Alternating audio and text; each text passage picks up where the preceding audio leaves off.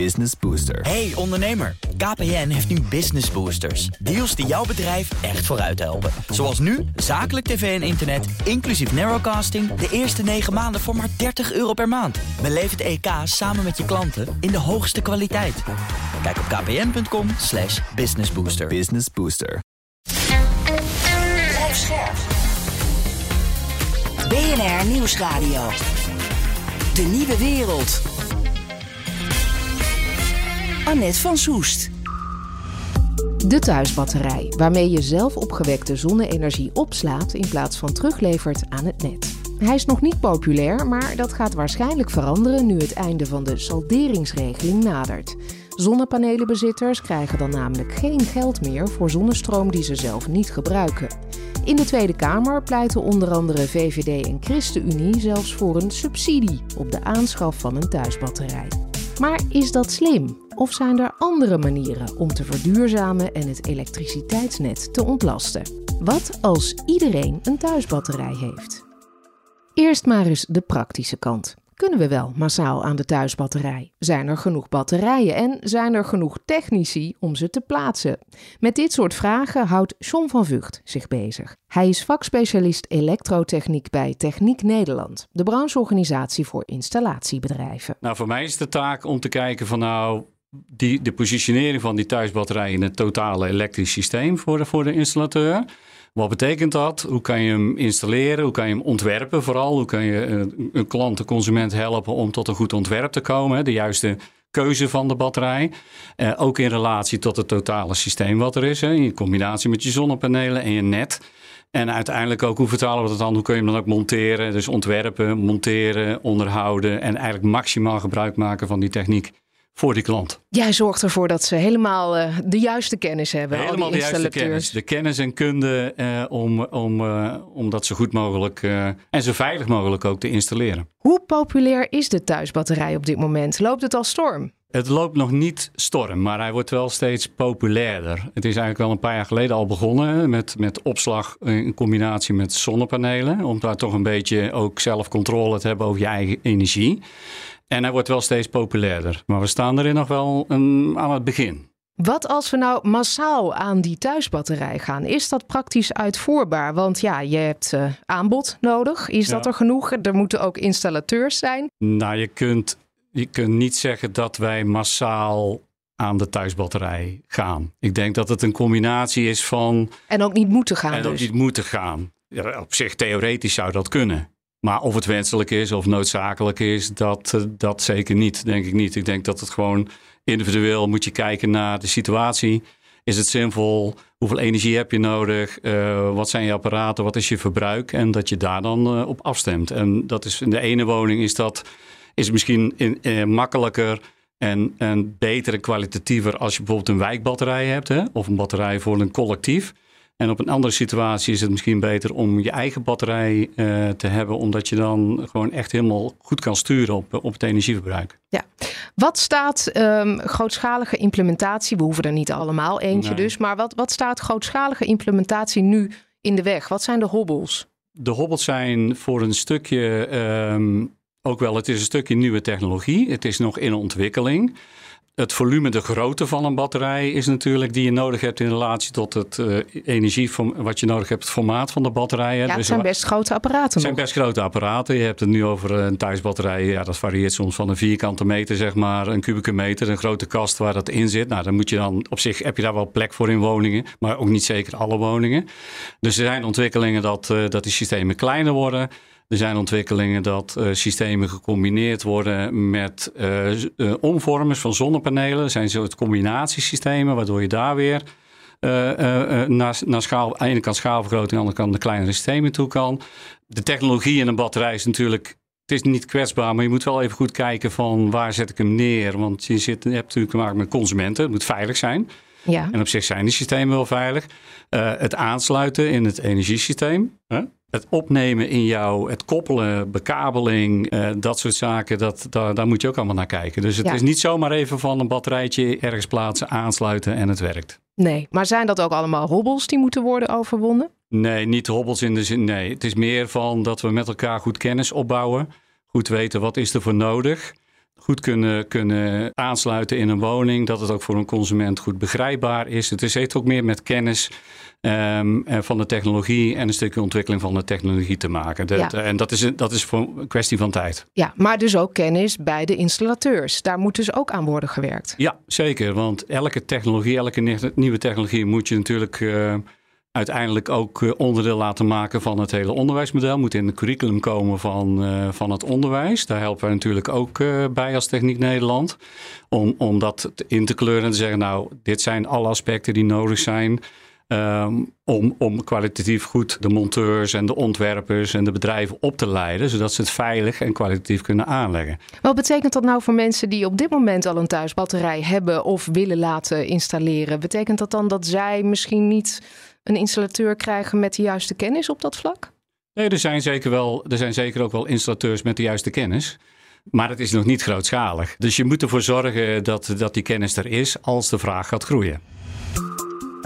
Een van de grootste argumenten voor de thuisbatterij is dat die het net ontlast. Hoe zit dat precies? Ik vraag het Hans-Peter Oskam, directeur beleid en energietransitie bij Netbeheer Nederland.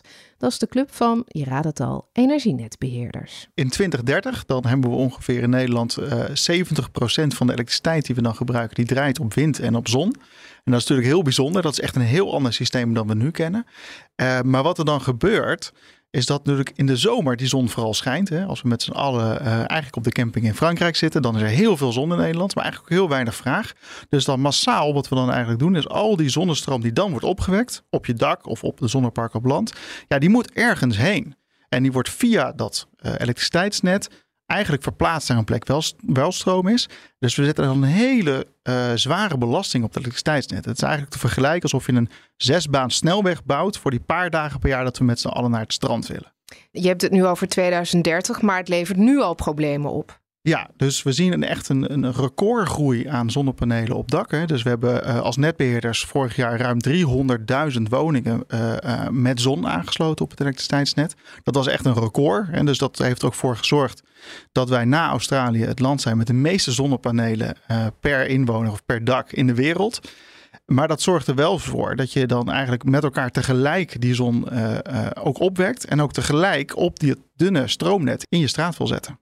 Kan een thuisbatterij helpen het net te ontlasten? Uh, ja, dat kan zeker. Hè? Dus een, een thuisbatterij, een, een, een beetje thuisbatterij, die, die kan ja, de zonnestroom die op je dak opwerkt, kan die opslaan voor 1, 2 of 3 uur. Dat zijn ongeveer uh, de ordegroottes waar je moet denken. Dat is maar heel kort. Is eigenlijk ook heel kort. En het gaat ook niet om dat je het eeuwig hoeft te bewaren. Je hoeft het ook niet te bewaren tot een hele dag of tot een week of een jaar.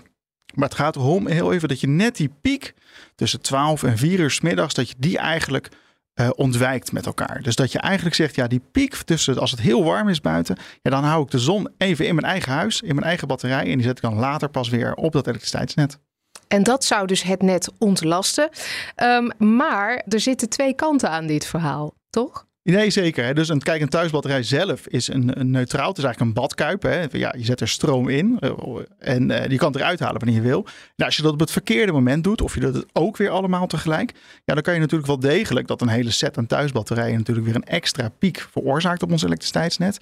En daarom pleiten we er ook voor dat het natuurlijk wel ook in, in combinatie met een slimme aansturing moet zijn. Hè. Dus je moet eigenlijk ook een contract sluiten met een. Uh, uh, een, een, marktpartij of je energieleverancier die jou gaat helpen om te kijken van hoe zet ik de thuisbatterij dan zo slim mogelijk in.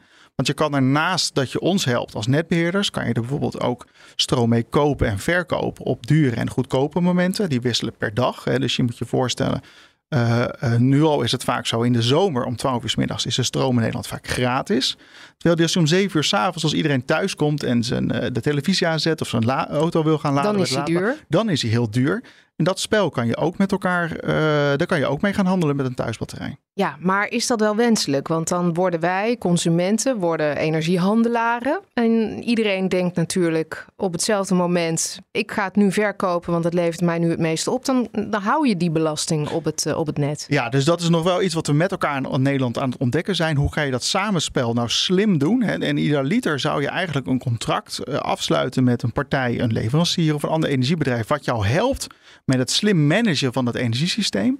Maar ik denk wel dat we eraan moeten wennen dat, dat iedereen in Nederland wordt eigenlijk een energieondernemer straks. Dat is wel de nieuwe toekomst. Hm. Zou je een thuisbatterij ook kunnen gebruiken als een soort stabilisator, als een buffer in het net? Zouden netbeheerders die batterijen bij mensen thuis dus ook kunnen gebruiken als hun opslag? Ja, dat doen we ook deels. Hè. Dus het, het, elektriciteitssysteem werkt zo. Elektriciteit kan je eigenlijk op grote schaal niet opslaan. Hè. Dus als er nu iets wordt opgewekt via een windmolen of een zonnepaneel, dan moet het ook nu worden gebruikt. Want anders uh, raakt het net uit balans. Uh, en voor dat spel uh, kopen netbeheerders de hulp in van bedrijven en straks ook consumenten om ons te helpen om dat te stabiliseren. Dat gebeurt op grote schaal nu al. maar we zijn zeker aan het kijken of heel veel consumenten samen, niet ook samen één groot energiebedrijf kunnen zijn om ons te helpen met dat net in balans houden. Ja, met zo'n thuisbatterij dus. Of met de batterij van je auto. Precies, want eigenlijk is een elektrische auto uh, een batterij op wielen, noemen we dat ook wel. He, dus eigenlijk een thuisbatterij die je ook nog overal heen kan doen. Dus het samenspel van thuisbatterijen, elektrische auto's, maar ook gewoon misschien wel heel simpel de vaatwasser aanzetten of een wasmachine aanzetten op het juiste moment. Het zijn allemaal kleine dingen die kunnen helpen om dat systeem straks uh, uh, duurzaam en toekomstbestendig te houden. Betekent dat dan ook dat als je een thuisbatterij hebt en je werkt mee aan zo'n systeem, dat je dan ook bijvoorbeeld korting krijgt op je energiecontract? Ja, dat zou kunnen. Dus uh, je ziet nu al dat sinds vorig jaar dat steeds meer mensen ontdekken: hey, ik kan een dynamisch energiecontract afsluiten, waarbij de elektriciteitsprijs al fluctueren. Dus met zo'n mooie app zie je dan mensen al kijken van, oh, hoe kan ik dan nu een wasje draaien? Nou, dat, dat spel wordt steeds uh, geavanceerder straks. En er zullen ongetwijfeld uh, uh, ook straks geld te verdienen zijn met het helpen van de netbeheerder. Of misschien wel de elektriciteit verkopen aan je buurman. Volgens Netbeheer Nederland is er ook geen toekomstig systeem denkbaar zonder thuisbatterij. Dat klopt. Hè? Dus, dus we praten nu met de regering van wanneer zou dat hele Nederlandse elektriciteitssysteem nou helemaal duurzaam moeten zijn. Uh, in 2030 zitten we op 70 procent. Nou, misschien zitten we rond 2035 al dicht tegen de 100 aan. Dat betekent dat je een systeem hebt wat echt, uh, uh, nou, misschien wel 90 procent van de tijd draait op wind en zon. Maar ja, die draaien er niet, zijn er niet altijd. Hè? De, of, of, de zon schijnt wel eens niet, of er is een wolk, of het is windstil. Ja, dan zul je ook moeten kijken van, wat hebben we dan? en daar kunnen batterijen grootschalig maar ook kleinschalig bij thuis zijn daar cruciaal in om, uh, om het systeem daarin te helpen. Wat als we nou allemaal zo'n thuisbatterij eh, gaan plaatsen? Is dat wenselijk? Nou, ik denk niet dat dat realistisch is. Hè. De, het is ook niet zo praktisch. Mensen, eh, je moet je voorstellen, een beetje thuisbatterij weegt al snel 100, 150 kilo. Nou, als je, niet iedereen heeft een muur uh, of een garage waar je zo'n ding makkelijk kan plaatsen. Maar dat hoeft ook niet. Hè. Dus Ehm, sommige mensen hebben een eigen oprit, oprit waar een, uh, een, een, auto kan staan met een laadpaal. Sommige mensen hebben juist wel een garage waar dit kan. Uh, maar als je in een, in een flat woont en je hebt niet eens een dak om zonnepanelen op te leggen, dan is dat helemaal niet logisch. Dus wij pleiten er ook niet voor. Niet iedereen een thuisbatterij. Uh, maar wel eh, sommige mensen, ja als onderdeel van uh, de oplossing. Nou werkt minister Jette aan een routekaart energieopslag. Uh, doet dat samen ook met, uh, met jullie, met de netbeheerders. Hoe ziet die ideale routekaart er dan uit volgens jou? Nou ja, kijk, het belangrijkste van die routekaart is dat we tempo gaan maken met elkaar. Dus we hebben met elkaar gezegd, die klimaatdoelen in 2030, dan moeten we uh, 55% CO2-reductie hebben. Dat is over 95 maanden. Um, nou, we zitten nu ongeveer op 25%. Hè, dus we moeten echt nog een verdubbeling van de hele duurzaamheidsdoelstellingen in 95 maanden moeten we realiseren in Nederland. Dus je moet heel slim weten van uh, wat is het tempo, ook bij energieopslag, wat ik moet gaan realiseren. En dan moet je dus nu al afspraken moeten maken van ja, wat moet ik doen om dat te doen? Maar ook wat ga ik doen als ik het tempo niet ga volhouden? Hè, moet er dan subsidies bij? Of moet ik dan de prikkels, want het moet wel lonen voor mensen, moet ik die gaan verbeteren met elkaar? Ja, en daar dient dan die routekaart voor. Ja. Blijft de vraag, wat is de meest ideale route? Nou, de meest ideale route is een NNN. Hè? Dus het gaat erom, uh, zeker bij opslag, is dat het uh, zowel de grootschalige opslag, dus dat zijn bijvoorbeeld de zeecontainers aan batterijen die we bij grote zonneparken of windparken neerzetten, dat die van de grond komen.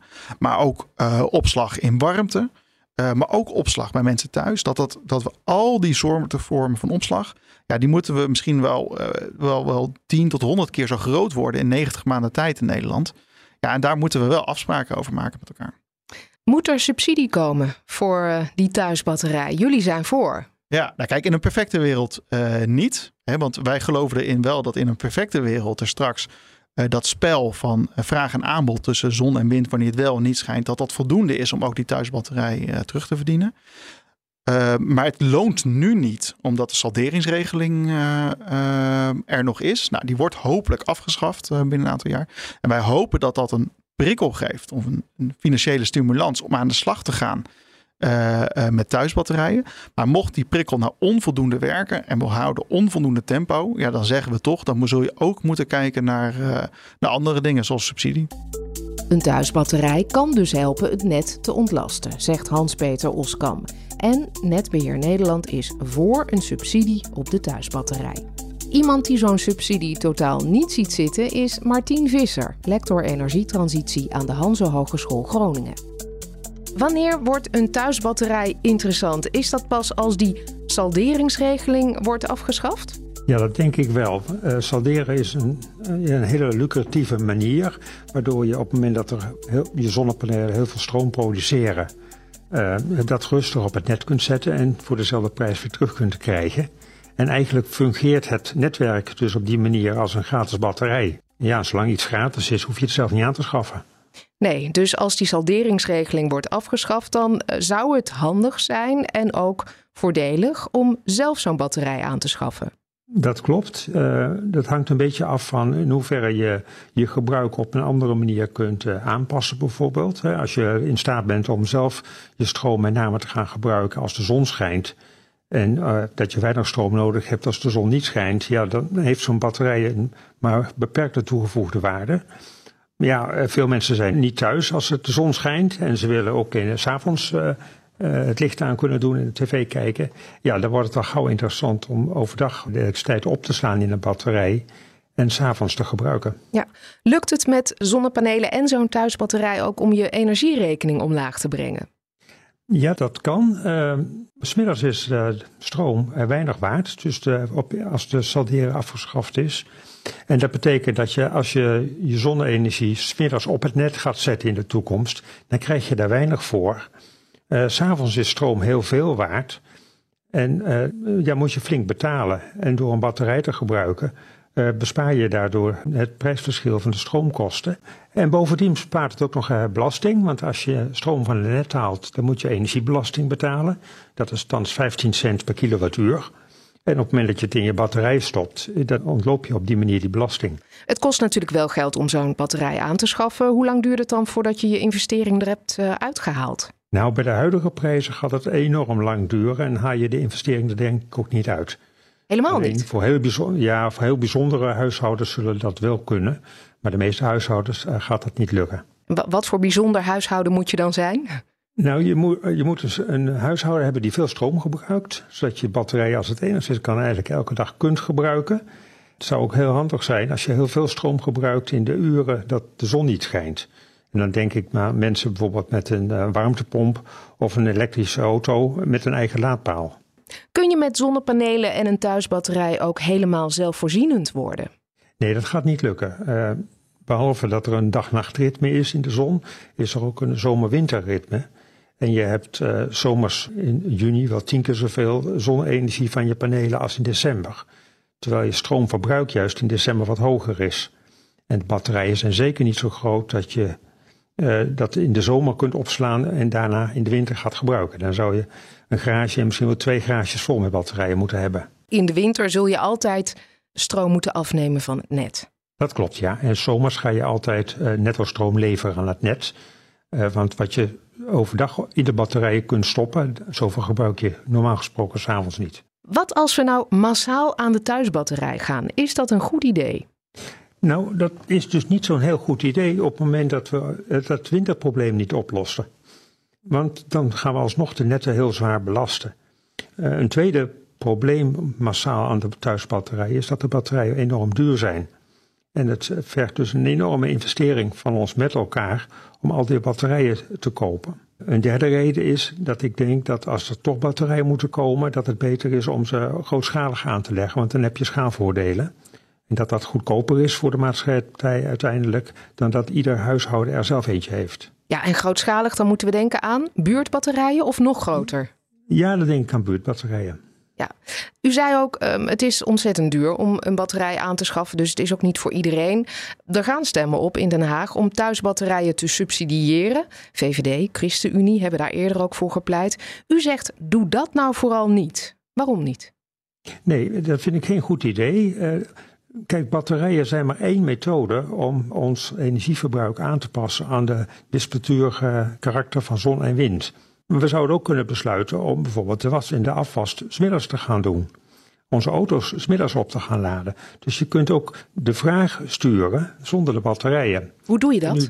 Door dan een variabel tarief in te voeren? Ja, bijvoorbeeld door een variabel tarief in te voeren. Of zoals het nu gaat, dat je de energiebelasting ontloopt. Ja, want als je het s'avonds weer terughaalt, betaal je energiebelasting. We praten over een periode na, de, na het salderen. Ja, precies. Dus op het moment dat we dan wel batterijen gaan subsidiëren en niet die andere methoden, die misschien maatschappelijk veel gunstiger uitpakken, uh, ja, gaat men toch batterijen aanschaffen en maken we onnodig veel kosten als maatschappij. Ja, er wordt ook vaak het argument gebruikt: uh, je moet niet juist subsidie geven aan mensen die eigenlijk uh, de grootste problemen op het stroomnet veroorzaken, namelijk degene die al zonnepanelen hebben, die een elektrische auto en een laadpaal hebben. Want je subsidieert weer degene die eigenlijk al genoeg geld hebben. Ja, dat is een, een tweede orde argument, denk ik inderdaad, op het moment dat je een eigen laadpaal en een eigen oprit hebt, eh, dan is een batterij veel aantrekkelijker. En zeker als er nog subsidie bij komt, daarvoor mensen die uh, driehoog in een flatje wonen en geen eigen laadpaal hebben. Want die gebruiken niet zoveel elektriciteit. Dus het, het, subsidie zal inderdaad terechtkomen, uh, in het bijzonder bij mensen die ja, wellicht die batterij ook zelf kunnen betalen, als ze dat zouden willen. Ja, geen goed plan dus. Zijn er nog andere argumenten om een subsidie niet te willen? Uh, nou ja, uiteindelijk moeten we natuurlijk de subsidiekosten met elkaar opbrengen. En uh, ja, je kunt die subsidie maar één keer uit, het geld maar één keer uitgeven. En de vraag is of, of die subsidie voor de batterij nou de slimste methode is om het belastinggeld uit te geven. Ik denk dat er betere methoden zijn om uh, CO2 te reduceren in de maatschappij dan de subsidie voor batterijen. Denk maar aan isolatie van woningen. Levert per euro uitgekeerd belastinggeld veel meer op. Conclusie: ieder huis een eigen batterij, dat is dus geen goed plan. Ik vind dat geen goed plan, klopt. En als er iemand dat toch wil doen, prima, maar dan zelf betalen. En dan is er nog iets, zegt Martien Visser. Want wil je batterijen optimaal inzetten, dan moeten netbeheerders en energieleveranciers de handen ineens slaan. En dat kan niet, volgens de huidige energiewet, omdat die twee partijen juist gesplitst zijn. Ja, ik denk dat daarvoor de wet moet worden aangepast, waardoor netwerkbedrijven en leveranciers van energie veel nauwer met elkaar samen kunnen gaan werken. En wellicht ook samen bijvoorbeeld bedrijven kunnen oprichten, bijvoorbeeld batterijbedrijven. Staat de minister hiervoor open? Het lijkt erop dat eh, de, de ordening van de markt, zoals dat dan heet met moeilijke woorden, die we hebben verzonnen, eh, dat die uh, ja, prevaleert boven uh, zo slim mogelijk en zo goedkoop mogelijk door de energietransitie te gaan. Maar ik kan me eigenlijk niet voorstellen dat het zo blijft. Dus op termijn zal dit wel gaan veranderen, voorspel ik. En die voorspelling is van Martien Visser. Dit was hem voor nu, De Nieuwe Wereld. Tot volgende week maandag.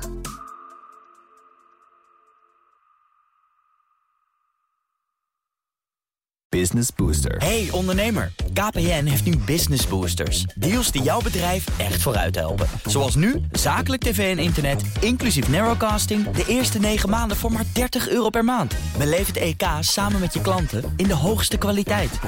Kijk op kpn.com businessbooster. Business Booster.